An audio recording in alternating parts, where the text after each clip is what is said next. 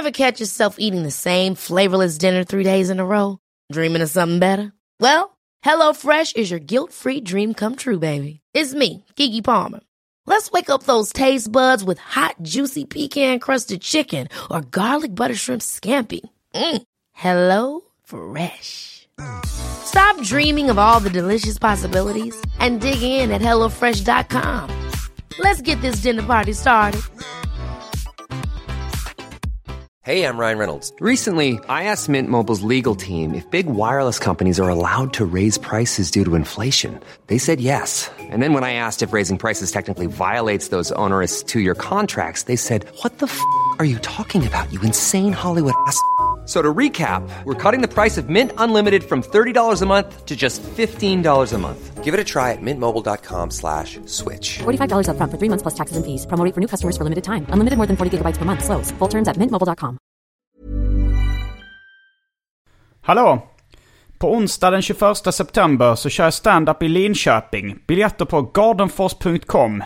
Och på lördag så signerar jag böcker i Galagos monter på Bokmässan i Göteborg. Nu kommer Arkivsamtal.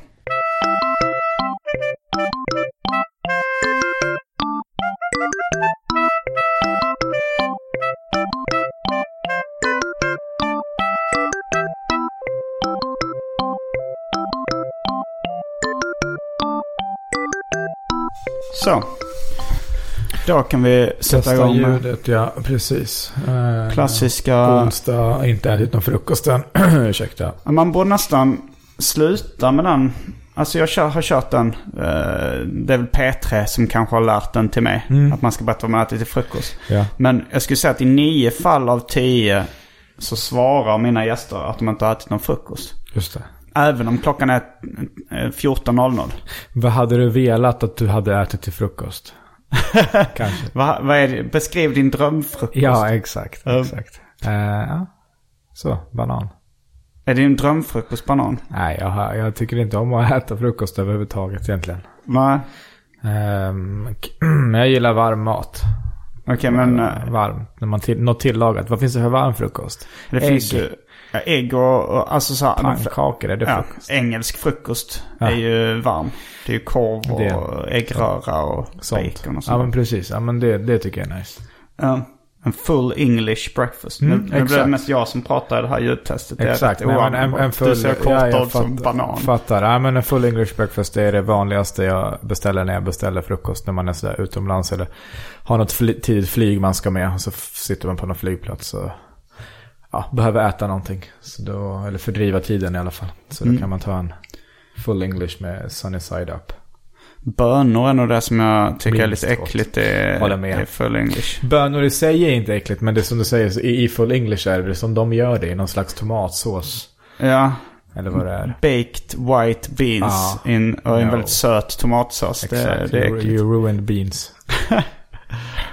Mm, då är vi klara med ljudtestet. Nice. Hej och välkomna till Arkivsamtal.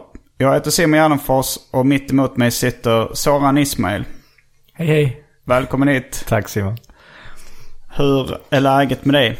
Det är ganska bra tycker jag. Mm. Eh, skulle jag väl sammanfatta det som. Hur Du- är läget själv? Jo, det är bra. Jag skulle nog säga att det är precis som vanligt. Ja. Jag har... Är men- det ofta som vanligt? Alltså hur, hur vanligt är vanligt? För vissa tänker att vanligt är så här 95% av tiden har Mm. de sitt vanliga tillstånd. Medan vissa vanliga är så här 60% kanske. Ja, det har varit rätt stabilt de senaste åren. Ja. Men eh, jag har varit, någon bekant har beskrivit mig för länge sedan då som den lynnigaste personen de har någonsin träffat. Oj. Så att det har ju, det har ju stabiliserats. Ja, nice. Men eh, jag har haft, eh, det var väldigt länge sedan jag hade så här depressioner och psykiska problem. Liksom. Ja, men fan vad nice. Jag har följt, jag har följt din, din psy- psykiska resa i diverse poddar. Just och sådär. det. Men det verkar ju som att det har blivit lite bättre. Det har det absolut blivit. Eh, eh, Jag skulle inte säga att jag är eh, helt där du är. Men, men man jobbar sig ditåt och jag är förhoppningsfull om att det ska gå. Tror du att det handlar mycket om arbetsinsats? Alltså hur mycket du har jobbat med dig själv eller är det mer att det går över av sig själv? Nej, bara arbete. Det går inte över Ah. av sig själv. Jag tror inte... Eh, eller jag kan väl bara tala för mig själv. Det kanske det gör ibland. Det beror på vad som har hänt och vad som har utlöst det. Om det är typ ett dödsfall eller något sånt där. Då kanske det är så det här att tiden läker. Och beror på hur, hur uppbrottet var. Och om man hade ouppklarade saker eller inte. Men, eh, men annars så tror jag att saker och ting man, det måste jobbas med. Och det är många som inte inser det. Som inte gör det. Inte orkar göra det eller klarar göra det. Eh, För det är lättare att låta bli. Och det är det, det, där, det är det som är så läskigt när man inser att vuxen inte är en, är en ålder eller något sånt där. Man var liten och så tänkte man att men vuxna människor har koll på det här. Du vet, om det är ens föräldrar eller någon på skolan eller du vet, någon som vet. Och så märker man att så här, men du, får, man märker ju, det finns ju oerhört inkompetenta människor på oerhört höga poster liksom.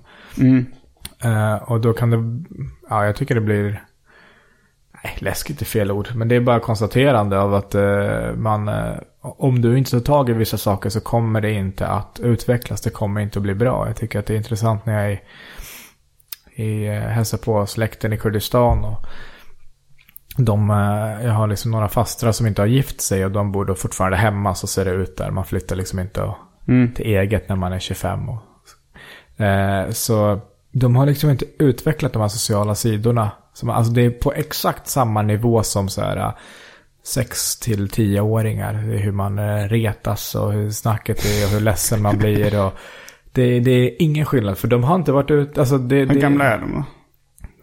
50. Va? Ja. Oj. För att om du inte har det där. Om du har gått i skolan bara till en viss ålder. Om du inte har eh, testat att eh, socialisera. Allt vad det nu kan vara. Gå på dejter. Du, Jag vet inte. Man, eh, man har kärleksrelation. Man får en egen familj. Alltså olika saker händer som gör att de är utvecklande. Om de inte händer. Om inte du tar tag i vissa saker. Och eh, utsätter dig för vissa saker. Så kommer det, utvecklingen kommer inte ske per automatik. Liksom.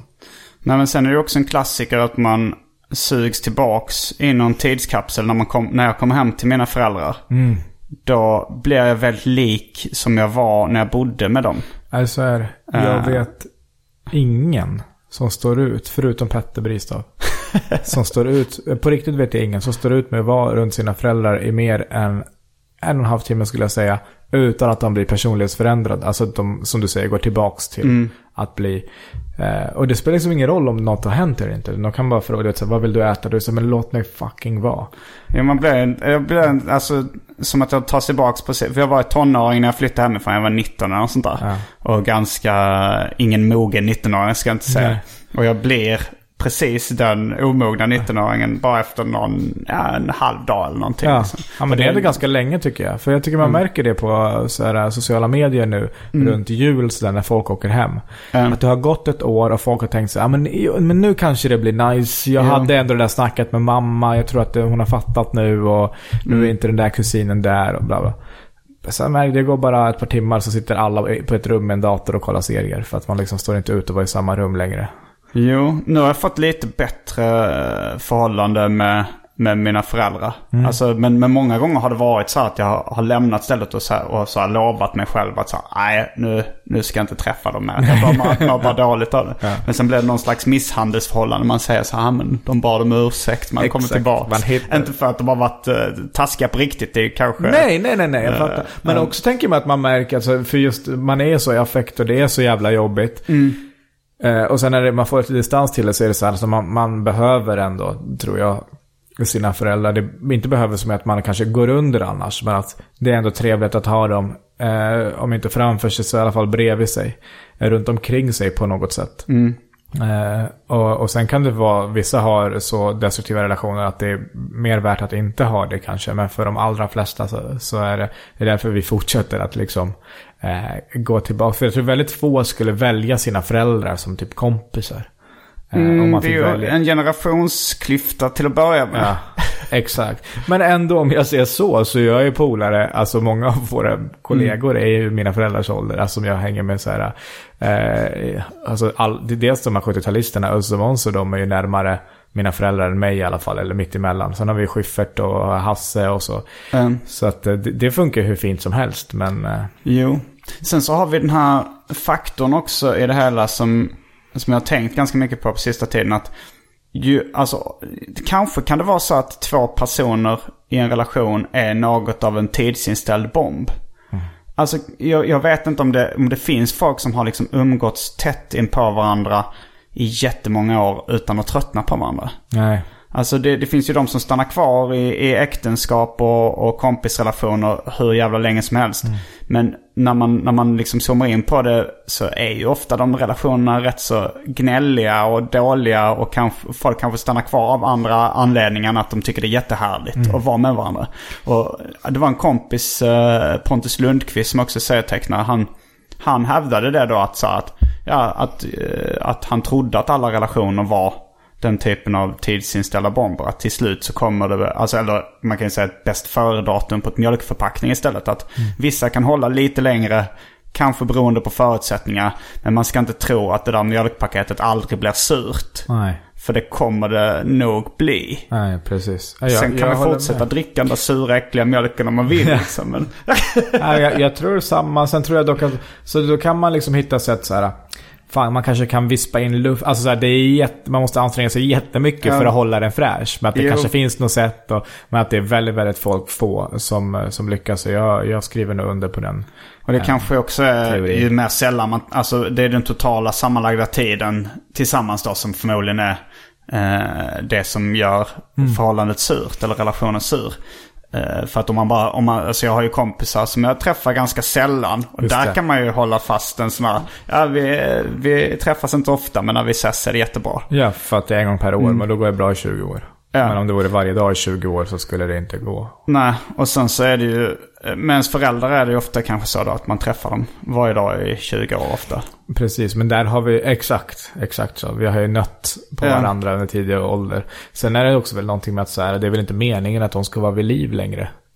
Biologiskt, historiskt. Nej. Jag vet inte, det finns ju något sånt där, eh, inte så konstigt att så man, bryt, man vill bryta sig loss där när man är 15-16. Jag har aldrig gjort det, men att man vill göra det, det behovet finns. För att det typ var typ tanken historiskt att vi skulle typ ja men du vet, flytta och ha en ny egen familj vid det här laget. Liksom. Ja. Eh, så det var inte så länge sedan vi bara blev 40 år.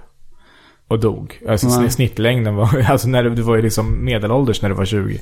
Men det är ganska svåra frågor hur mycket man ska liksom ta in det i beräkningen. Vad eh, vi, vad vi var ämnade att göra på stenåldern. Då skulle man vara en fruktansvärd människa. Så, ja, men det, vi ska slå ihjäl varandra Ja, och exakt. våldta folk. Det, var så, det är så vår kropp är byggd för. Det ligger i min natur eh, att ta bort de andra manliga hoten. Nej, jag tror, jag håller helt med. Det är ingenting man ska på något sätt eh, anpassa sig efter. Men man kan bara, när man blir eh, supersur, bara tänka att så här, Mm. ah, det är... Det är inte så konstigt att man blir sur, men man behöver ändå förhålla sig till den verklighet vi lever i nu och att man har, man har föräldrar och ibland Ja. behöver man då. Sen finns det ju människor som är mer eller mindre jättejobbiga också. Eh, det finns ju de som... Direkt, eh, Det finns ju eh, de som man nästan ingen står ut med en längre tid. Ja, ja verkligen.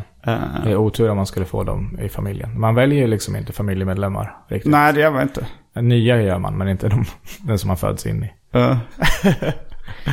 att, Nej, men jag tror, att, jag tror att det är viktigt att man jobbar på, på de här sakerna. Det som vi kallar att, att bli vuxen eller att, du vet om man har någon, ibland är det konkret så här, jag är rädd för spindlar. Ja, då är det konkret att man får jobba. Jag är rädd för att flyga, ja, men om du vill kunna resa omkring praktiskt så behöver du ta tag i den rädslan. Men, eh, men det kan vara olika känslor eh, konflikter som man är rädd för. Något sånt som man... Det är lättare att fly och skita i det. Som alla, jag vet, alla, alla ens kompisar träffar ju samma typ av människor. Eh, och så beklagar de sig. Varför träffar jag bara sådana här tjejer? Varför träffar jag bara sådana här killar? Eller någonting sånt. Man ser aldrig till sig själv. Så, men vad är det hos mig som gör att jag hamnar i sådana här relationer? Till exempel. Eh, Det låter ju som du då i så fall umgås med rätt mycket naiva människor. Alltså så att mina kompisar som, som hamnar i liknande, de, de vet ju med sig själva att det är deras eget fel. Just det. De Men gör de, gör, fixar de det då? För att om man, fick, om man, om man aktivt, tänker jag mig, eh, åtgärdar det, då hamnar man inte i samma situation igen.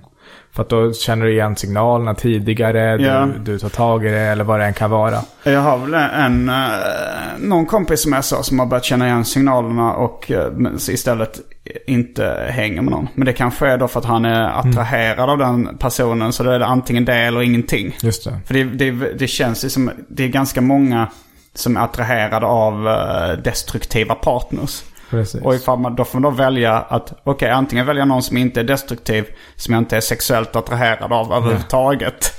Men det är inte heller jättebra. Nej, det vill man inte. ingenting. Men jag, där tror jag, om man- om man hittar så här, varför det är så. Mm. eh, Så tror jag att man kan åtgärda det. Och för att jag tror inte vi liksom så här, det ligger inte i vårt DNA att vi måste ha destruktiva relationer. Annars så går det inte. Inte heller, även om det är liksom starkt präglat vem du är. Så om man kan hitta, men det här berodde på det här eller med uppväxten eller vad fan vet jag, en, en väldigt tidig relation och så. Eh, det betyder inte att det inte går att, eh, om, om man jobbar på de sakerna hos sig själv. Jag tänker mig att vi som, som om man är som pusselbitar som ska passa ihop lite här och var. Eh, att vi- vi har ingen an- till att börja med så har vi, och de flesta vet aldrig hur ens egen pusselbit ser ut. Alltså man känner inte sig själv riktigt. Eh, och, och om du inte vet vilka hål, du vet, har jag ett hål där uppe eller har jag en plupp där uppe, har jag ett hål i sidan, höger, vänster, hur, hur ser min pusselbit ut? Då vet du inte heller vilken som passar med dig. Och så tycker man att det är aldrig någon som passar, så tar man en pusselbit här, nej den passade inte, men den var för kantig, jag behöver en som är lite mer rund eller whatever. Så tar man den, nej den funkar inte heller, jag behöver en med hål i mitten. Och så, nej den pusselbiten funkar inte heller. Så blir det alltid någon annan som ska fixa en eller passa ihop med en. Men det är inte förrän man själv vet hur ser jag ut, alla mina kanter och hörn. Sen hittar man man den perfekta pusselbiten. Som man märker är gjord av eh, mjölk. Så att den, och det blir sur efter ett tag. Ja, och till slut så gick det inte. Men då var det så här, fan det här var nice ett tag. Ja. Det här var nice några år. Men det kan ju också, jag tror det, den, det du säger nu skulle kunna stämma. Men det kan ju också vara så att till exempel, om vi säger då att jag evolutionärt har, har fått en mutation som gör att jag tänder på eh, en väldigt våldsam kvinna. Just det. Alltså så här, för att då, det kanske är någonting eh, som då, som, jag har en mutation som gör det att det, det är ingenting jag kan göra åt. Nej. Eh, det, har, det har blivit så och, eh, och evolutionen funkar så att det kanske funkade ett tag med de, de eh, stammarna som tände på våldsamma. De fick någon som kunde beskydda dem. Det. Eh, och det kanske då var en, en bra grej. Men det kan vara så att det är lite olika. Men eh, låt säga att jag tänder på väldigt våldsamma kvinnor. Och det kanske bara är en mutation i mig. Det kanske inte beror på att jag haft en sån uppväxt eller att jag var med om något trauma eller liksom så. här. Det kanske bara, det kanske jag är född sån. Och då har jag det problemet. Jag, jag blir bara sexuellt attraherad, eller mest i alla fall, av eh, våldsamma kvinnor. Nu är det inte så. Nej, men det skulle Eh, kunna vara. Även om jag har varit ihop med en ganska våldsam kvinna en gång. Ja. Eh, men då, då är det bara så här, antingen så, eh, om jag, om jag nu har det så är det, då får jag leva med att jag antingen är singel eller bor med, eller är ihop med en våldsam kvinna. Eller att jag är ihop med någon som jag inte är speciellt attraherad av. Tre Ja, dåliga alternativ. Tre, ja, Förutom kanske singel kan ju vara kul ibland också. just det. Ja, precis. Det, så jag tänker mig att det kanske, kanske inte går, men om det skulle gå och vara så, då kanske man kan hitta någon sen ändå som har jobbat lite med sin, som är våldsam, men har jobbat lite med sin våldsamma sida. Så att den är våldsam i sexuella situationer och eh, eh, inte de alltför dramatiska vardagssituationerna. Alltså det finns liksom inte ett, eh, för det finns ju grader även på våldsamheten. Man måste Ja. kanske inte vara med, med den allra, det måste liksom inte vara fritzel. Nej.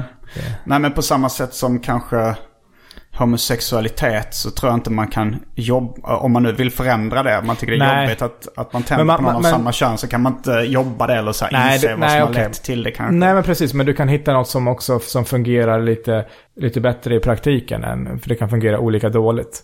Ja. Eh, så att man kan hitta något som, som eh, fungerar lite bättre för en. För att relationer när man är vuxen i alla fall, tänker man handlar mer än, än, än bara om kärlek. Det ska också eh, fungera i praktiken. Jag tog exemplet innan så att man är i relation destruktiv där man liksom blir slagen och sen så går man tillbaks.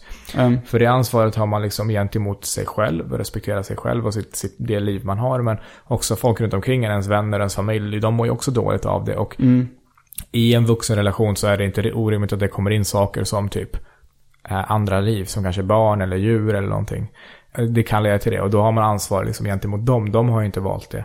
Eh, då, eh, så att man, man det, det räcker inte. Då, då I värsta fall så får det väl bli sådär i så fall om det inte går. Att, ja, då kanske man fick bli singel. Eh, och, och får eh, ha mer casual sexuella relationer.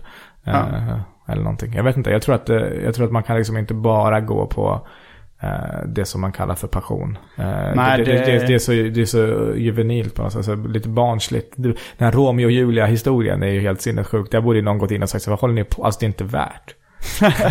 du vet, det, det är inte det där här vi mot världen, skiter i våra familjer. Ja, men inte praktiken, det funkar liksom inte så. Alltså om någon ska döda dig, du vet så här, som bortgift och sånt, jag fattar.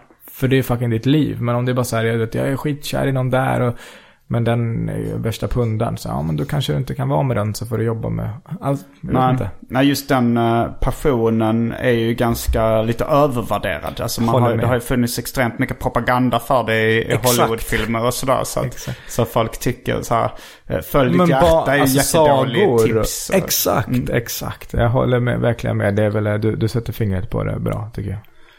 Då har det blivit dags för det omåttligt populära inslaget Välj drycken.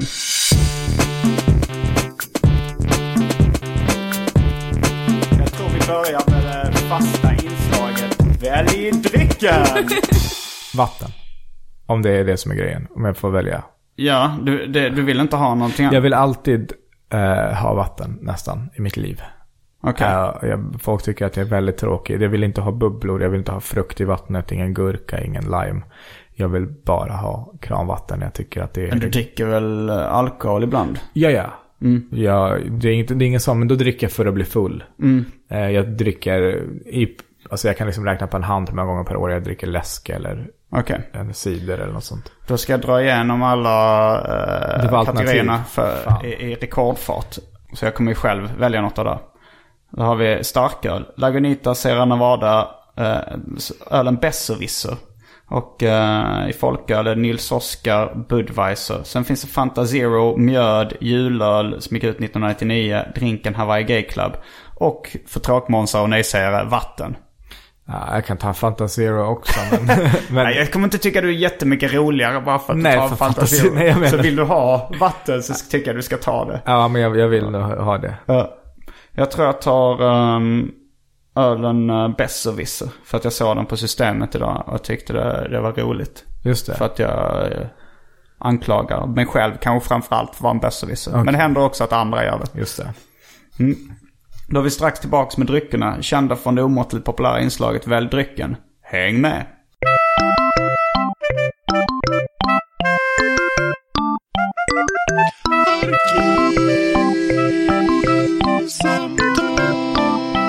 Då är vi tillbaks med vatten och ölen Besserwisser. Du förberedde ett glas vatten innan. Jag var Fast törstig. du drack inte av det, eller? Det tog någon klunk. Jag var lite törstig när jag kom in. Mm. Men så ville jag inte förstöra hela podden. Har du sett uh, himla många programsketchen Kockpärs kokande vatten? Aldrig hört talas om. Men du känner till himla många program? Nej. Du känner till Galenskaparna After Ja, Shave? ja. De hade ett tv-program på 80-talet med eh, sketcher. Ja. Och då var, det, då var det en som matlagningssketch där det var då kocken Kockpär som skulle tillaga Kockpärs kokande vatten. Och då hade han ju då förberett redan Kockpärs kokande vatten. Ja, jag har, jag har, tror jag bara sett en sak från Galenskaparna After Shave. Det är den där OS. De kör OS. Mm, det är nog deras mest spridda klipp. Eh, men jag, jag älskar det mesta de, de släppte i just det, den programserien. Hur konsumerar du det då? Uh, linjär tv. Då ja. Ja. Men så här i efterhand, hur kan Sen har, jag sett, sen har jag sett det på, alltså det var någon som hade någon, jag tror vi spelade in det på VHS när jag var liten också. Okej, ja. Och sen, uh, släpp, sen så kanske 08 så såg jag någon så här Best of samlingskassett med dem. Och tyckte att ah, men det, det mesta håller rätt bra fortfarande. Det. Nu är jag ju säkert färgad av att jag gillade som liten liksom. Jag kan tycka att det ofta är tvärtom annars. Om man gillar någonting så mycket som, som liten och sen så Mm. konsumerar man långt senare så blir man besviken. Att, att det kanske är större chans, skulle jag gissat på förhand, att jag skulle ha gillat det än du. Därför att du har din bild klar av dem. Jo men det har hänt också att jag har blivit djupt besviken på, på grejer som jag gillade när jag var liten. Eh, Som dina föräldrar. det går lite upp och ner. Ja. Eh, men jag, jag tycker man får kolla på så. Jag, är dålig, jag har varit dålig på det. Jag har sett någon sån där, vad heter humorduon som är jättekänd? Inte Magnus och Brasse. Eh, Hasse och Tage. Ja, Hasse och Tage. Jag tror att det var de som hade någon monolog där om och sannolikhet. Och, Ja. ja. Så jag har sett lite sådana grejer, men jag kan tycka att det är, jag, jag borde ha sett mer, flera i, i min generation. eh, Och speciellt vi som jobbar med det. Ja, de flesta som jobbar med det har sett det. Borde, man borde konsumera och se och ta del av. eh, För att lära sig liksom humor över tid och vad var stort i Sverige och, och vad det som ansågs jättekul då, skulle det anses kul idag? Och som du säger, vissa, många grejer håller än idag. Det är jävligt häftigt. Jag såg, jag var med en kompis i, i Liverpool och så hade han med sig en dator med tv-serien Heja Björn. Mm. Har aldrig sett, eh, hade heller hört talas om. Gick på fyran. Det var Peter Wahlbeck, Helena av Sandberg och eh, jag säger typ Stefan Sauk. Eh, men... Eh, Jag kommer ihåg att det flimrade förbi men jag såg aldrig det. Jättekul. Var det det? Ja, det är- Fortfarande jättekul. Eller jag vet inte fortfarande, jag, jag såg det inte då. Jag såg det nu och bara, det här är jävligt roligt, det är bra. Men uh, Det sig- sna- snackade om det någon gång att uh, nej, vi var med specialisterna och uppträdde i någon stad.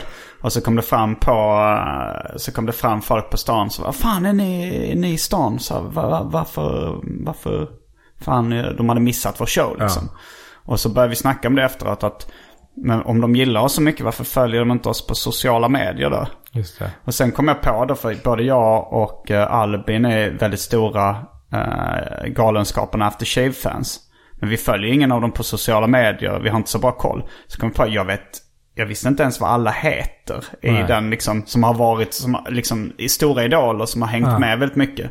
Så kollade vi tillsammans på eh, lite gamla Himlen och programklipp.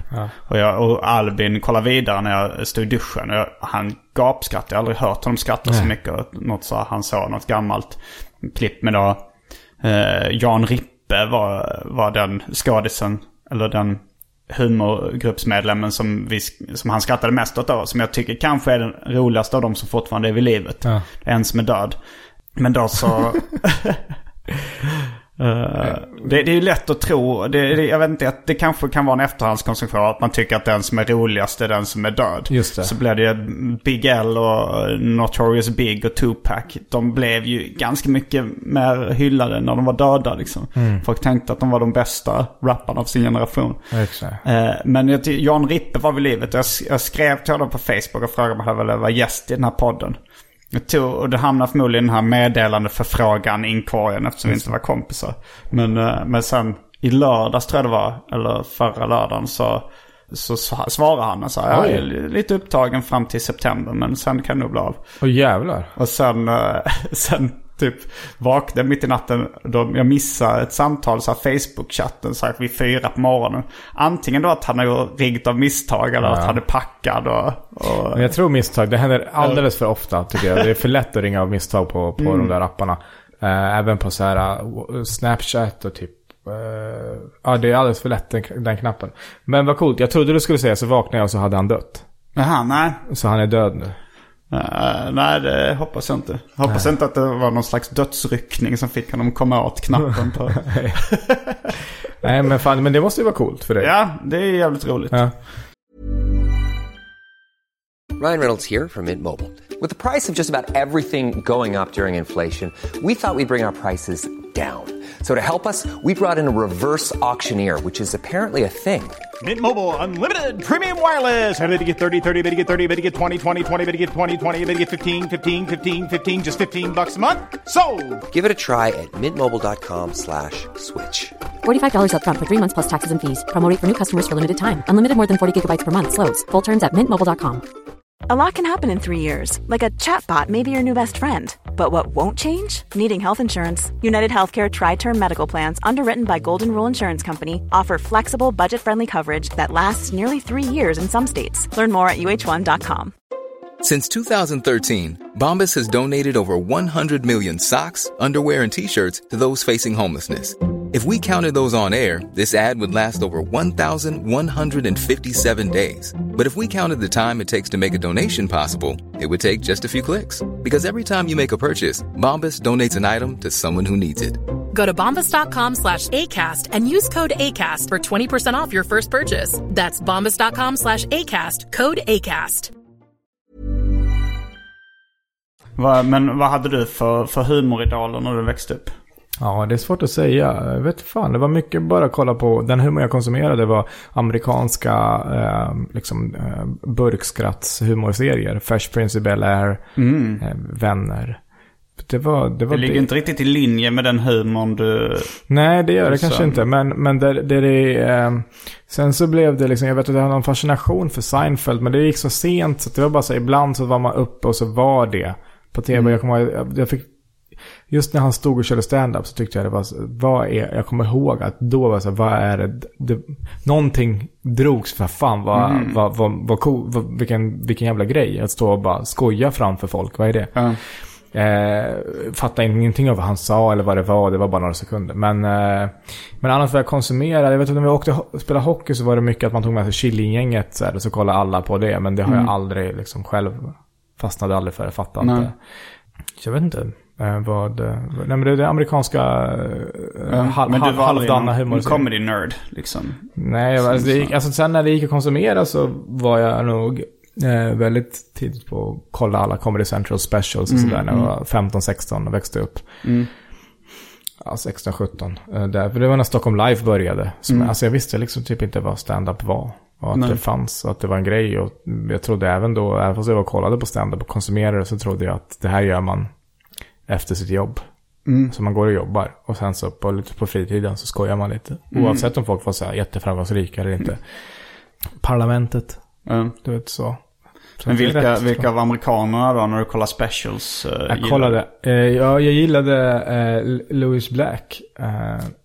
Det vet jag inte vem det är ens. nej, han, du, du gör det om du, om du tittar på hans bild tror jag i alla fall. Mm. Han eh, är så här riktigt jävla dålig bra eh, high school-film nu till följd av. Eh, så spelar han typ så här rektor, de ska starta en egen skola.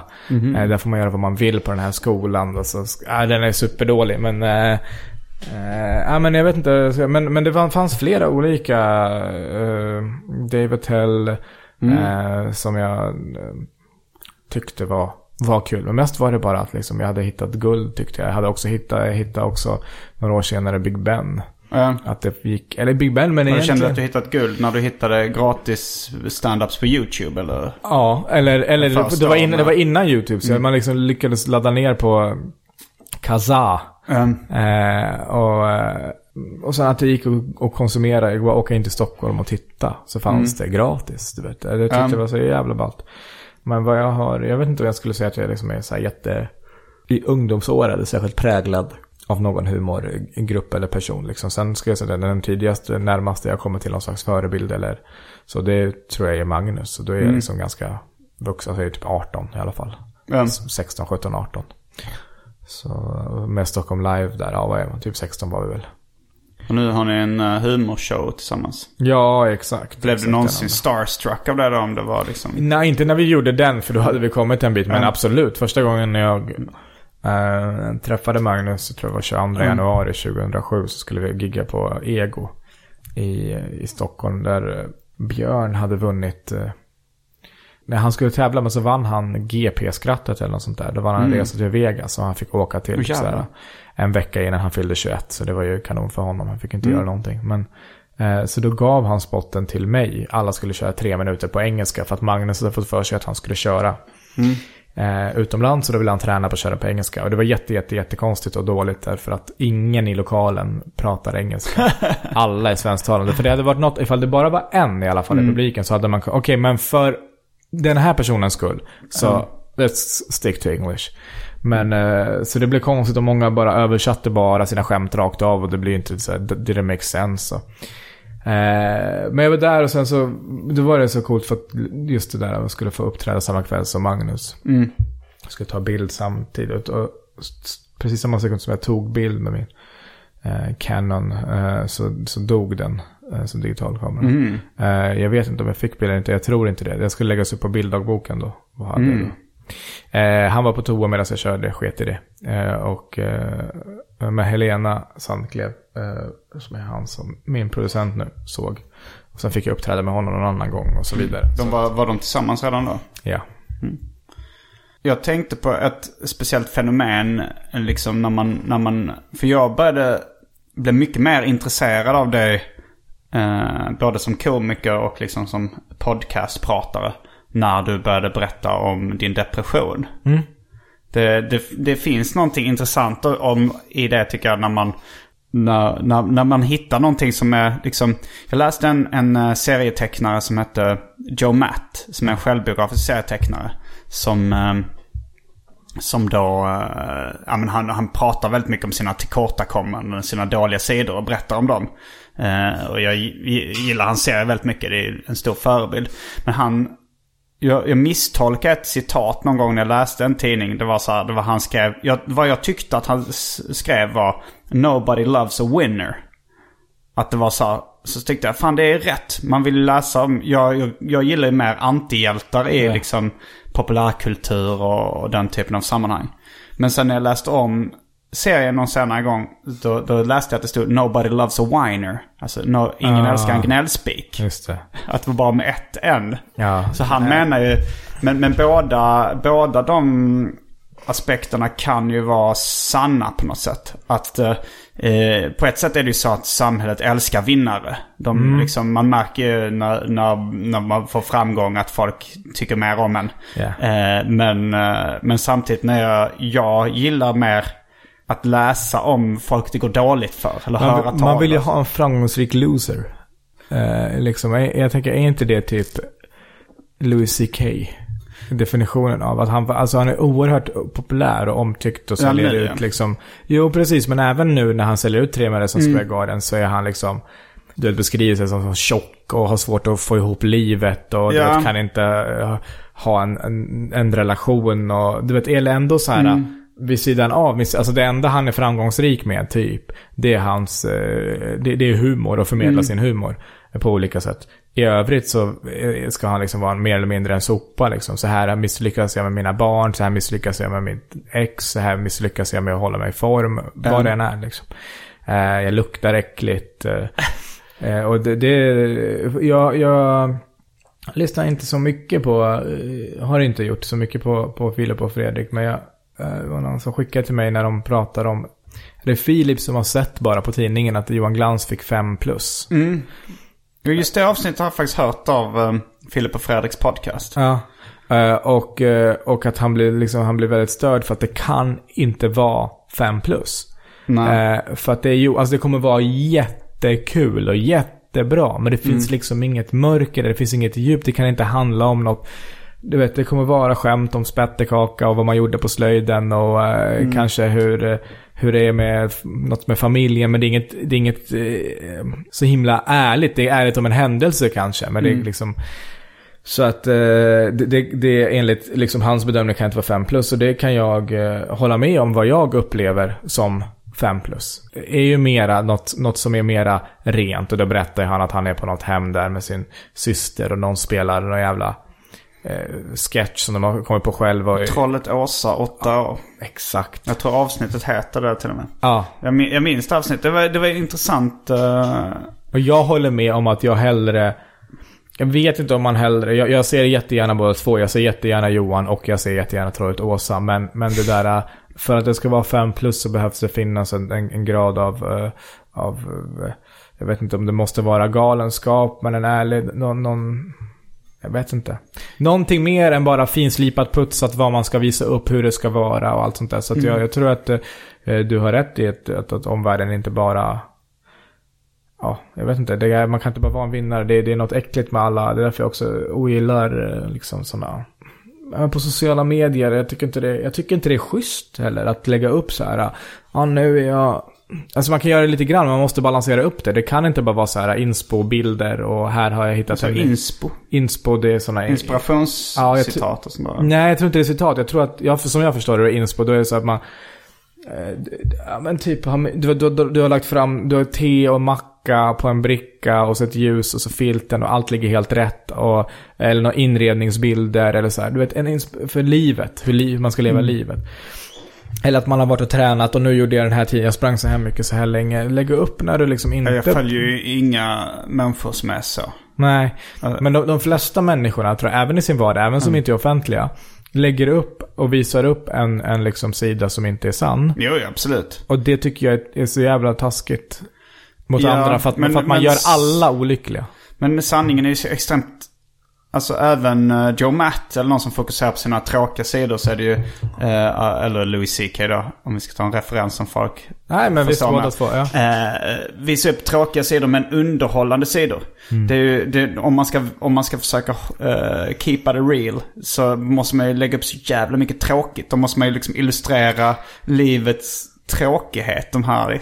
Men jag tycker väl att de, de har väl hittat en bra balans då. Eh, Mm. både serietecknarna och Louis CK. Man, alltså, jag menar inte att man bara allt rakt upp och ner. Man väljer Nej. vad man visar. Men att man får kanske tänka igenom eh, lite vad det är. Därför tror jag också att eh, jag har länge tänkt eh, så och resonerat så. Jag tror att ah, jag behöver inte lägga någon värdering om bra eller inte. Men jag tror helt enkelt att man blir bättre komiker eh, Mm. ju äldre man blir.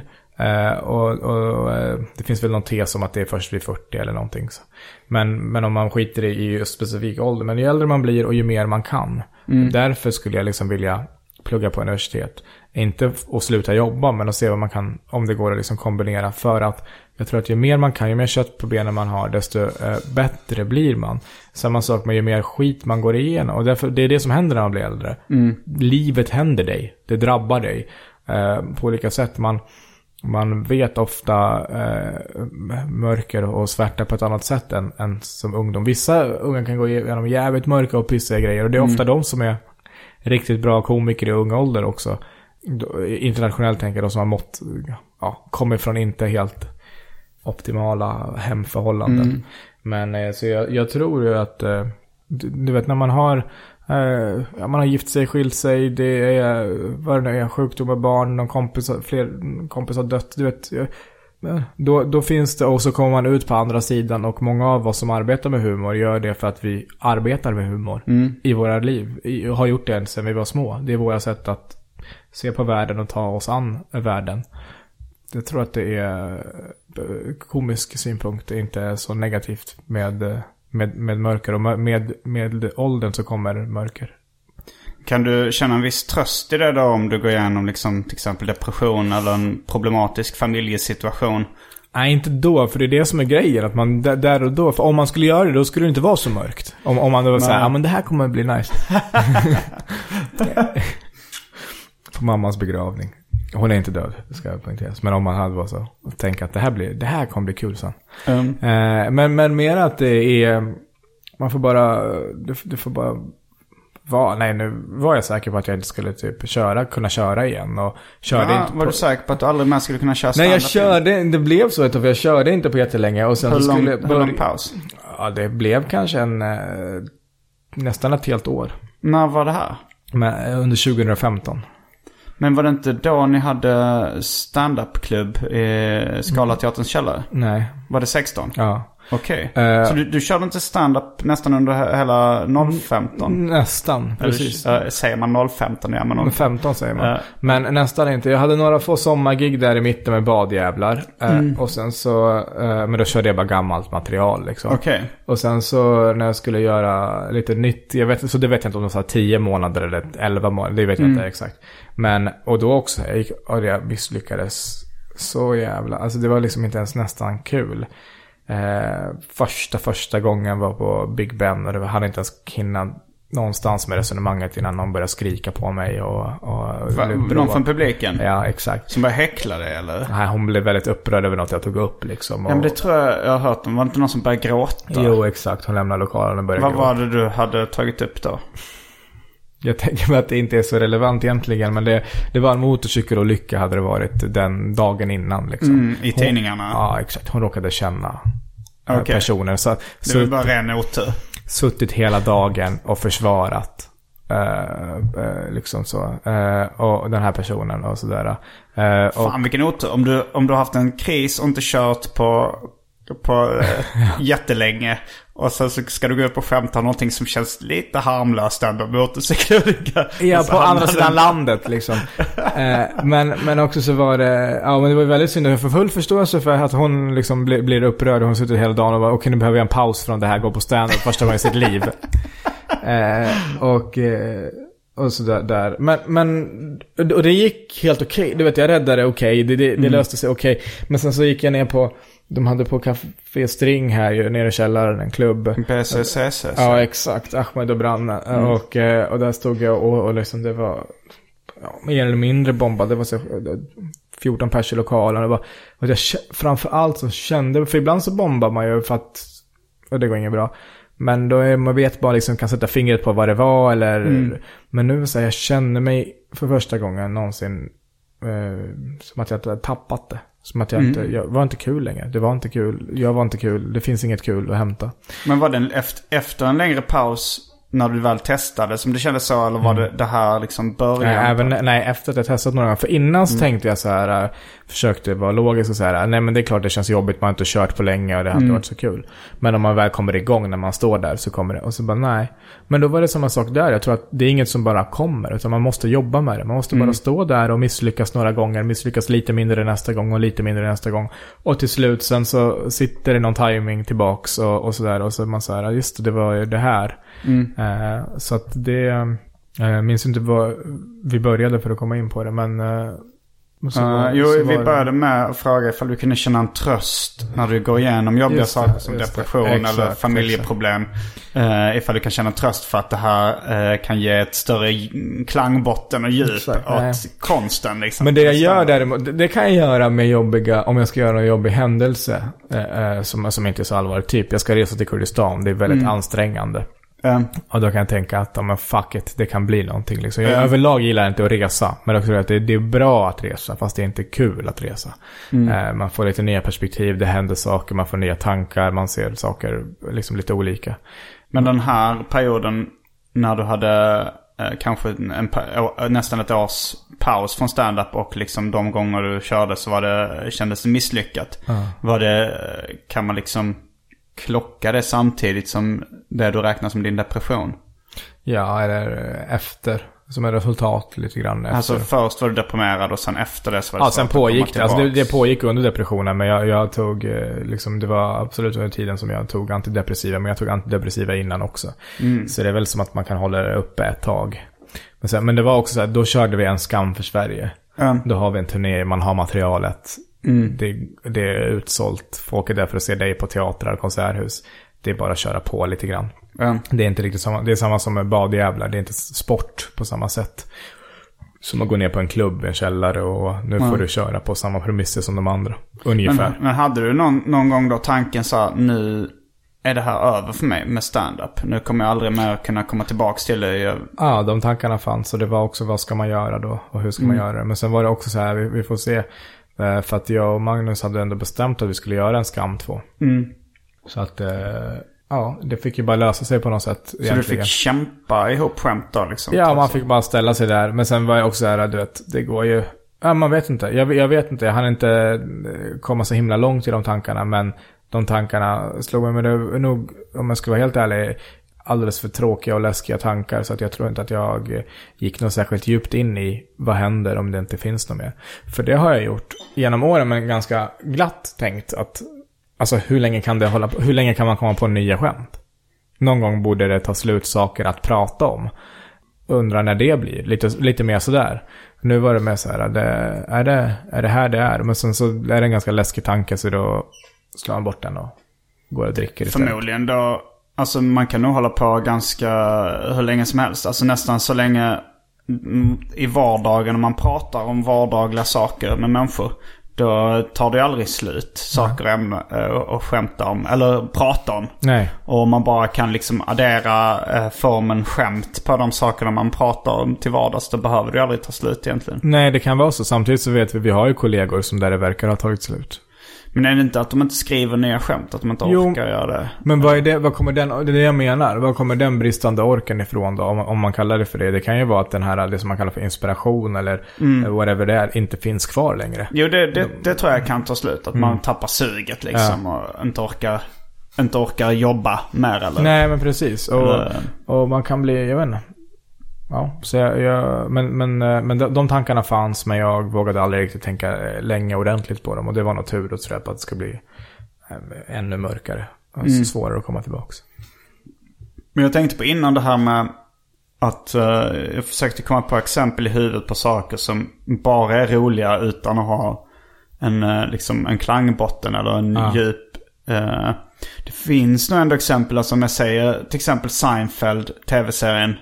Där finns inte så mycket mörker. Okej om- o- okej att eh, karaktären då, George, kanske är en loser. Och, eh, och han är baserad väl i mångt och mycket på Larry David. Som sen gjorde en tv-serie då, Curb Your Enthusiasm, som är betydligt mörkare.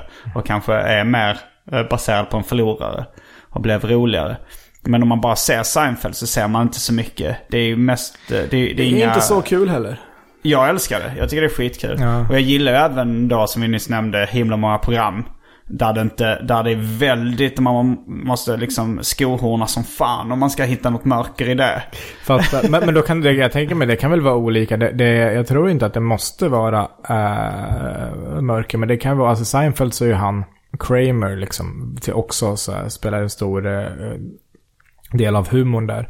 Eh, Och är väldigt weird och quirky och ingen är så där som han är liksom. Eh, att, att det finns något så här absurt också som är kul. Eh, alltså, Jo. Hen- Henrik Elmer. Eh, Jo, det är mer alltså crazy humor. Ja, nonsenshumor. exakt. eller, eller så abs, abstrakt. Precis. Humor. Nej, men, men och, och, och just det med Seinfeld att det inte skulle vara så kul, det är bara min personliga smak. Det är klart att det Ja. har varit, eh, men det man, måste man prata om som en av de stora humorserierna. eh, även om man själv inte passar ens egen humor. Det, Ja. det tycker jag är sekundärt, man måste kunna se förbi det. Men, men det, och det har du rätt i, det är ganska lätt, men det är observationer, det, det, det måste inte vara. Men Mm. som du säger, det verkar som att man, man engagerar sig mer, man hejar mera på det är lite, om- någon har lite mer loser, Mm. eh, lite mer mörker. Eh, det blir, jag tror att man också Men förväntar jag sig gör det personligen och kanske du också. Men samtidigt så tänker jag de som har mest följare eh, på sociala medier i världen och sådär. Verkar ju vara ganska lyckade personer. Ja, precis. Det- Men man älskar ju när det går dåligt för dem också. Och, och, och, och det där följet är inte alltid så himla starkt. Alltså du har ju liksom såklart believers och sådär. Mm. Men annars så tror jag att det är väldigt många som bara så här, ja men så här, svenska eh, killar och tjejer som har så här 300 000 följare. På, Mm. De är inte så här, de skulle kanske inte, de här, av de här 300 000 skulle kanske bara 300 köpa biljetter om de gjorde någonting. Kanske. Eh, Medan eh, du har inte alls lika många lyssnare här eller följare. Men när ni åker runt så säljer ni ut överallt. För det mesta. Ja. Eh, och, och jag tror också att man, man, det handlar också om vad man har för, för relation till de här människorna. Vad man känner för någon. Och det är mycket lättare att känna för någon om man upplever att det inte är fake. Och jag tror att man är ganska smart som konsument. Man känner ganska snabbt om det är fake. Fake kan också vara kul. Fake, alltså en, en, en, det, det, är inte, det är inte fel med... Fake, det låter... Det, jag tar tillbaka det ordet för att det låter som... Men, men det som inte bara är, är helt så här... jag, jag vill inte prata om mitt eh, mörkaste liksom, eh, och, och, och skiten. Utan jag, jag, det hände en kul grej med liksom ketchupen när vi skulle käka. Ja. Eh, ja, det kan man också snacka om och det kan man också få folk att skratta med. Men det är troligare att de kommer att känna mer och vara mer sugna på att komma tillbaka om de har fått skratta åt något som de tror att så här, att det var, som du säger, till- tillkortakommande eller något slags misslyckande. Det är en personlighetsdrag eller en händelse. Då tror jag att man är, det, det, det skämtet kommer sätta sig längre hos eller liksom publik, de Mm. publiken än... Men sen, jag tror med, med till exempel som vi nämnde, Louis CK och som jag även skulle säga som Eminem till exempel. Att eh, om man är tillräckligt skicklig på liksom formeln, som då är liksom rap eller humor. Så spelar kanske inte så jävla stor roll. Alltså jag tänkte, för jag lyssnade på Eminem innan han slog igenom. Och sen tänkte jag så här att, för han rappar väldigt mycket om hur det var vara en förlorare, fattig. Ja. Eh, och sådär. Och jag tänkte så här, hur ska det här gå nu när han ligger etta på listorna? Eh, då tänkte jag att det kommer ju vara svårt för honom att fortsätta med den här typen av rap. Ja. Eh, och det rappar han själv också om på skiva två. En sån I can't rap about being broke no more. Ja. Men sen, så då gör han en låt till exempel som Stan. Som är ur perspektivet att vara en av de största stjärnorna och ha en stalker efter sig. Som jag tyckte var en av de starkaste texterna på väldigt länge. Och kanske det bästa han hade gjort. Eh, och då lyckades han ändå liksom bara byta perspektiv från en fattig förlorare till eh, några problem som kan finnas när man är jätterik och jättekänd. Jag håller med. Och, och även, och det, och det är liksom, folk har gjort parodier på det så här. Mm. eh, rap om att inte ha, att vara rik och kanske komma från ett fint område och sådär. Men det kan man säkert hitta problematik i också. Alltså så här, det, det, Det är är ju säkert. ett lyxproblem att ha en stalker när man är jättekänd. Men om han liksom han lever sig in i Stalkerns värld och gör det på ett snyggt sätt. Exakt. Nej, jag håller med. Det finns, en, eh, det, det finns också något som bara är... Det är bara bra. Mm. Du vet, det, det är som till exempel då, som man återkommer som exempel med Johan Glans här. Ja. Ah, det är jävligt, jävligt kul. Det är en jävligt hög nivå på humorn. Ja. Eh, och det, det, då, då kommer det alltid att, att gå och vara fantastiskt bra. Eh, så så det, det tror jag också, att man ska liksom inte bara förringa the, the, the shared talent, bara så här, ren skär talang. Om Ja. man är jävligt duktig på någonting. Så, ja, du kan sätta den i massa olika knepiga sitsar eller vad som helst. Den kommer hitta en väg ut liksom. För att återknyta lite till i början när du snackade om så här att man skulle, om du hade mått dåligt så skulle man liksom hitta, jobba med dig själv och liksom hitta vad, vad källan till problemet är eller något sånt där. Har du hittat vad ditt problem har varit? Eh, ja, alltså några av dem. eh, Mm. tror jag. jag tror aldrig att man kommer hitta allt. Jag tror inte heller, framförallt tror jag inte man kommer lösa det. Alltså som att så här, nu är det fixat. Nej. Men om man är medveten om det så kan man se till så att skadorna blir mindre. Mm. Om man vet var det läcker in vatten. Vad har du hittat för... eh, Nej, men va, det är väl svårt att, att, att kanske gå in på detaljer. Men, men överlag så är det till exempel väldigt, väldigt svårt att... eh, är väldigt eh, konflikträdd. Man har hittat varifrån i barndomen det kommer ifrån och vad det Du har beror hittat på. det, eller vad sa du? Ja, precis. Så man kan liksom bara vara medveten om det. Jag vet att eh, den känslan som jag inte kan eh, hantera. Av konflikter? Ja, det är, fast det är egentligen skuld. Eh, som är den känslan som är min sämsta i alla fall. Man har olika svårt att hantera olika känslor. Men vissa blir ju väldigt lätt så här, när de blir arga så ska de slå någon. Alltså de har svårt att kontrollera sin ilska. Vissa har svårt att kontrollera sin glädje. Vissa har svårt att kontrollera sin sorg. Eh, ångest kan det vara för väldigt många. För mig är det, är det skuld. Eh, Att det är svårt att kontrollera dina skuldkänslor? Ja, exakt. Det kan väldigt lätt känna väldigt starkt. och, och de styr mina handlingar. Alltså det är svårt att, så här, är det tankar som styr känslor eller känslor som styr tankar? Men i handlingar. Jag kan vara hur arg som helst eller de kan stå provocera mig hur mycket som helst utan att jag gör saker jag ångrar eller inte står för. Alltså att jag slår någonting eller kastar sönder ett glas eller något sånt där. Eh, man kan vara hur, ja men du vet, ledsen som helst utan att jag skadar mig själv eller du vet. Det finns liksom gränser där. Få, få lust att ta livet av mig, det händer inte. Men det är, men, men, men skuld är, är en jätteproblematisk känsla för mig och har lett till eh, väldigt mycket av mina problem idag. Det är dels det, eh, kombination med konflikträdsla, kombination med, har jag lärt mig nu också, ADHD och det har kommit fram genom att det fanns andra saker som var problem och med depressionen och det blev utmattning och det var så du måste vila. Och allt, mycket kom tillbaka till att det är en ADHD-problematik i grunden som gör att man inte kan lösa andra problem förrän Ja. man löser det. Jag har alltid varit, som alla du vet, ja men, ah, DAMP, det är en diagnos man ger alla, bla bla bla bla. Alltså, whatever, det kan vara så, men det finns ju också mycket forskning på det. Och när man eh, läser en del och framförallt lyssnar på folk som jobbar med det och andra som har det och pratar så det är coolt. Det är just det där, jag, jag älskar kunskap. Man lär sig om sig själv. Att säga, jaha, ja, det beror på sådär, så där kan man vara. Jag tog eh, en kompis, gav mig två tabletter. Eh, en var eh, Ritalin en gång och en var Concerta en gång. Två olika mediciner för det här. Men ändå amfetaminliknande preparat båda två? Ja, exakt. Uh, Ritalinet gjorde ingenting särskilt. Men? Eh, men när jag tog konserten, det var en... Och det, det jag fattar, det, det kommer inte alltid vara lika starkt och det kanske var liksom... Det var inte doserat av en läkare, det kanske var för stark dos, bla bla bla. Men oavsett, det var en religiös upplevelse. Eh, för första gången i mitt liv så kände jag mig inte trött i huvudet. Alltså som att man så här, hjärnan är på över... Jag visste inte att det gick att känna så. Jag trodde att det här som jag känner nu, som jag mår nu, det här är det vanliga. Så här är det Så fan. du, går, du tar ingen... eh, Nej, jag går. Jag ska ha tid. eh, Jag har tid i nästa vecka hos läkare. Jag har fått min diagnos. Jag har gjort utredning. ADHD? Ja, och fått diagnos. Eh, Och nu ska jag, nu har det varit sommar och så här. Så nu, Och det ingår väl i, i den här jävla diagnosen att man har varit dålig på att uppfölja. Så nu, men nu ska jag liksom träffa en, en psykolog som är bra på just det. Och lära en att styra upp. Vad det än...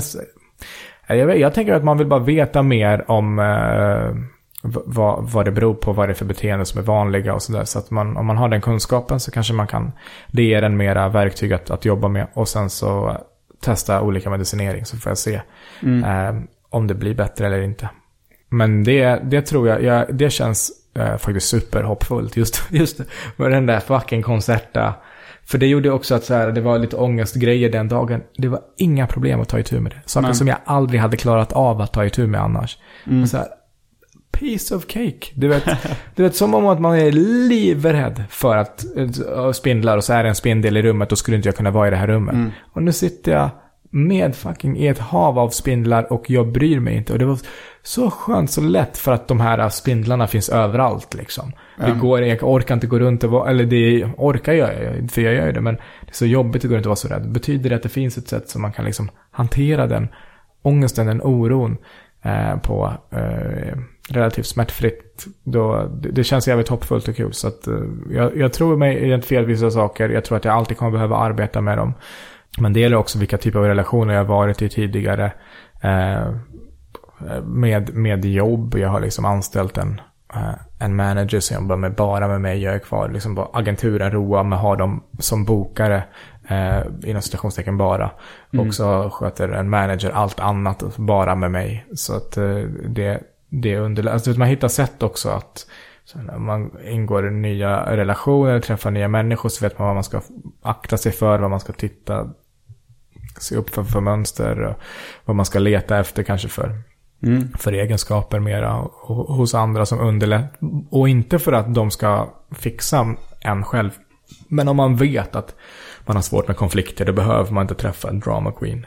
Mm, det... Till exempel. Då, då, då gör man det ju svårare för sig själv. Jag, jag tänkte på just uh, det här du snackade om eh, problematiken med skuld och skuldkänslor. Jag har också haft ganska komplicerat förhållande till, till det i livet. Och, och jag, jag vet ju liksom att eh, min mamma har, har jobbat på ett annat sätt med skuldbeläggning och skuldkänslor. Inte på ett medvetet sätt. Aldrig. Men som ändå har påverkat mig eh, ganska negativt ibland. Och att jag liksom tycker det är jobbigt med att bli skuldbelagd för olika saker liksom. Och, och, och, och skuldbelägga mig själv ibland också.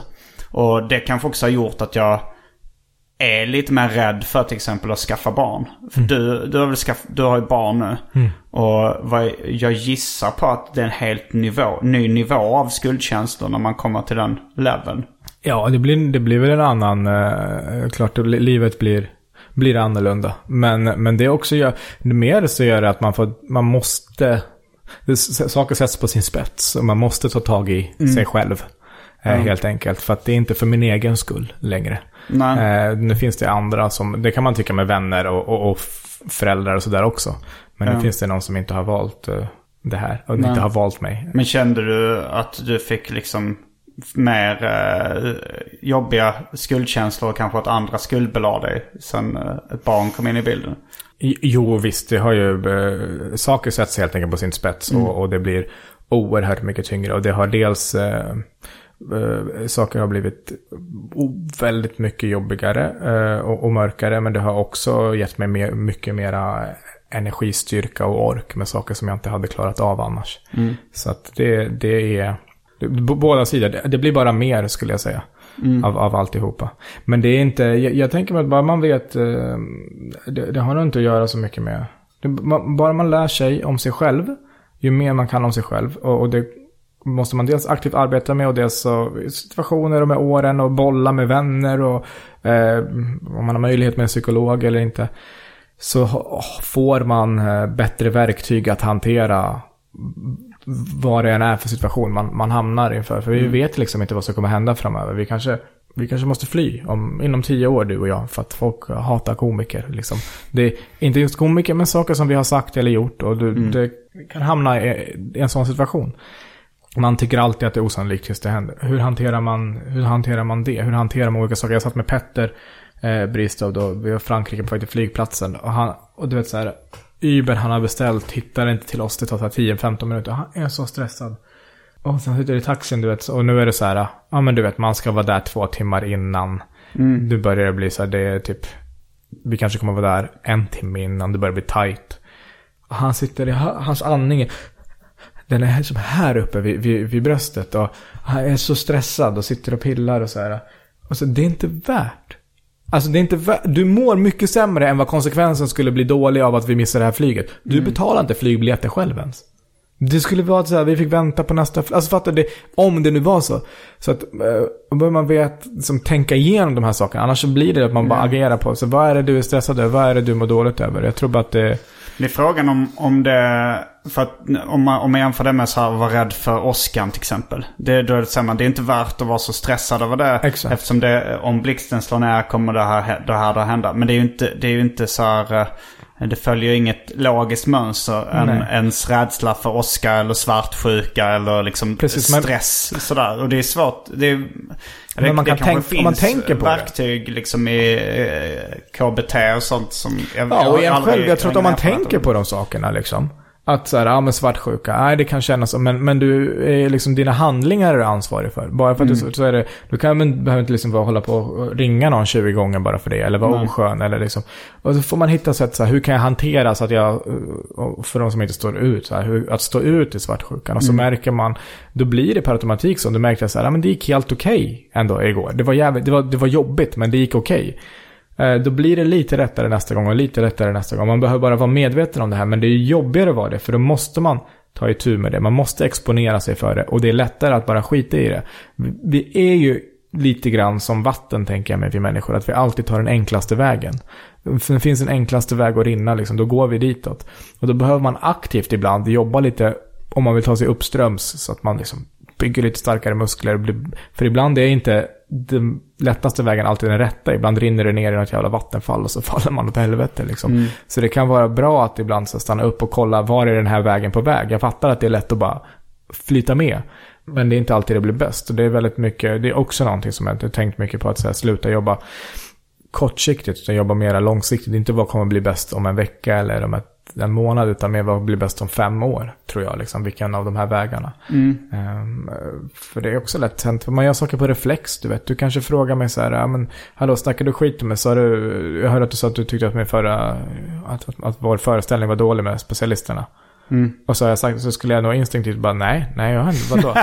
du vet, för att jag rädd, jag tycker det är jobbigt. Men då skulle jag nu, idag, så skulle jag, om inte den dagen, så i alla fall några dagar senare höra av mig och säga Sorry, det stämmer. Jag såg det här. Jag ljög för att jag, var, jag tyckte det här var jobbigt. Men det stämmer, jag har sagt det här. Jag ber om ursäkt. Så får, det, får konsekvensen bli vad den blir. För att annars så kommer det bli mycket värre. Om det bara byggs på, byggs på, byggs på. Så kommer konsekvensen bli något som man inte, idag inte ens kan förutspå. Um, Det är möjligt i alla fall. Så att, eh, Hur mycket av, eh, av dina personliga problem har du vävt in i den nya föreställningen? Inte så mycket egentligen. jag, jag är också lite grann emot att göra liksom egentligen personligt till politiskt, men även personligt till... eh, Du är emot att göra personliga saker politiska eller? Ja. Alltså så här, det kan hända, men, men för saker är större än en Man själv. behöver ju inte göra de personliga sakerna politiska just. Det beror på Nej. vad man har för syn Nej, men på precis. vad Nej, men politik är kanske. Men Nej, nej, men jag håller med. Jag vill bara säga, så jag, jag brukar prata om att jag tycker inte att man ska göra personliga saker politiska. Och då tycker jag inte heller att nödvändigtvis ska personliga saker till, alltså så här, att, att, att det är just den enskilda lilla händelsen. Men, men det kan starta igång tankar om lite större saker. Så det har kanske startat igång tankar om, om ansvar. Eh, och, och det har kanske eh, blivit tankar om så här, vår generation. Och, och det blir det mm, nog mycket prat om. Så att eh, jag, jag försöker nog alltid när jag, när jag pratar om saker att, att lyfta dem och göra dem lite större och lite mer allmängiltiga. Inte bara det här hände mig en gång och så bla bla bla. jag tänkte med på det vi snackade om tidigare. När, alltså kanske det här antihjälteperspektivet. Att Mm. när man tar upp någon som har problem eller har förlorat i något sammanhang så, så kan det bli bättre underhållning. Eller Det kan det bli. Men in, inte så rent konkret, inte nu i alla fall. Jag vet inte om det kommer sen. Och det finns ju många saker som jag inte har distans till eh, nu heller som har hänt liksom, eh, på, på senaste tiden. Så att det kanske kommer framöver. Men, eh, men eh, kort så nämner jag vid, vid depressionen. Men jag går inte så mycket in på själva depressionen. Men jag, jag nämner att, eller jag kommer nog, vi får se. Jag kommer nog att nämna att det var så att det ledde till att jag inte körde stand-up och hur det var och sådär. Men eh, så, så en del grejer, men ofta försöker jag lyfta det större än bara det. Det här hände mig och så bla. På ett sätt kan det ju vara det svåraste som finns kanske. Att göra någonting roligt av Mm. till exempel en depression. Till exempel, precis. Men- Men, och, det, och, det, men- och det tror jag kommer komma med tiden. Jag tror att det är oundvikligt att jag kommer prata om det. Mm, Och nu kanske jag bara nämner det lite kort. Och sen kanske jag går in mer på det när jag kanske helt är ur den. Mm.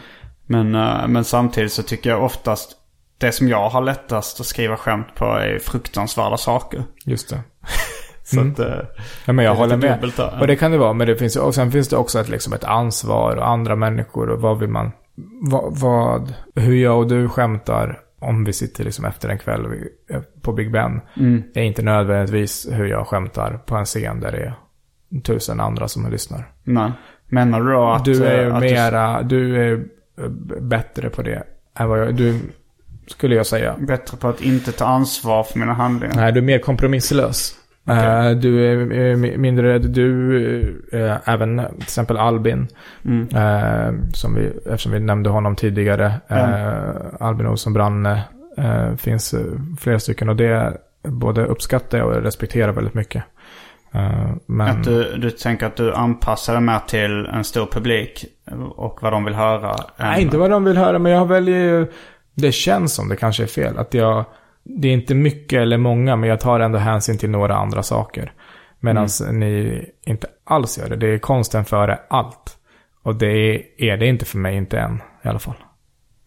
Ja, det är kanske lite en överdrift att det är konsten för allt. Det kanske är så, men jag upp, upplever det så me, mera, mest från er än från andra liksom i alla fall. Och, och det tycker jag är, det är det, mer det där rena, det är det som är svärtan, det är det som kan bli fem plus. Ja, kanske. Eh, så att det, så är det väl. Jo, Jag tycker Magnus, Magnus är väldigt bra på det. På att ta konsten framförallt. Före allt, exakt. Han är, liksom den dagen de misstänkte att Helena hade bröstcancer så står ju han och babblar om det och hur det ska bli och eh, vad den kan vara. För, sen var, hade de pra- pratat om det och, och det Ja. var liksom lugnt med henne. Men, eh, mm. Ja, det, det är frågan också ifall, man, ifall det är en form av självterapi eller om det är konsten framförallt. Om han gör det för att må bättre själv eller för att han tänker att det här kommer bli den bästa konsten. Nej men visst, visst, man kan ju alltid såklart fråga sig vad syftet bakom är. Ibland kanske också man, någon gör det för bara för att vara destruktiv eller någon gör det för att eh, de tror att ingen kommer märka det ändå eller vad som helst. Men Mm. Och um, någonting du vill tillägga innan vi börjar runda av? Nej, eh, inte annat än om, om inte det har framgått att jag hoppas att folk eh, såklart kommer att kolla på en skam. Eh, två. Och att det kommer att vara roligare än förra. Framförallt, jag tror det kommer att vara lite mindre politiskt och lite mera sk- skoj. Trams. Mm, tack så mycket för att du var med i Arkivsamtal. Tack för att jag fick vara med. Jag heter Simon Gärdenfors. Jag heter Soran Ismail. Fullbordat samtal.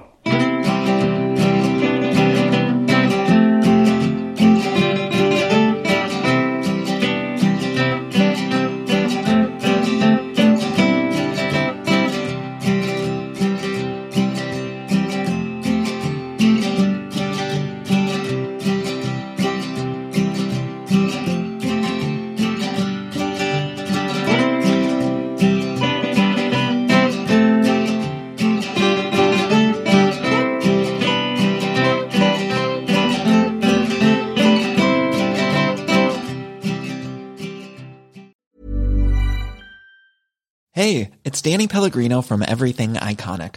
Ready to upgrade your style game without blowing your budget? Check out Quince. They've got all the good stuff shirts and polos, activewear, and fine leather goods, all at 50 to 80% less than other high end brands. And the best part? They're all about safe, ethical, and responsible manufacturing. Get that luxury vibe without the luxury price tag. Hit up quince.com slash upgrade for free shipping and 365 day returns on your next order. That's quince.com slash upgrade. Planning for your next trip? Elevate your travel style with Quince. Quince has all the jet setting essentials you'll want for your next getaway, like European linen, premium luggage options, buttery soft Italian leather bags, and so much more. And is all priced at 50 to 80% less than similar brands. Plus, Quince only works with factories that use safe and ethical manufacturing practices.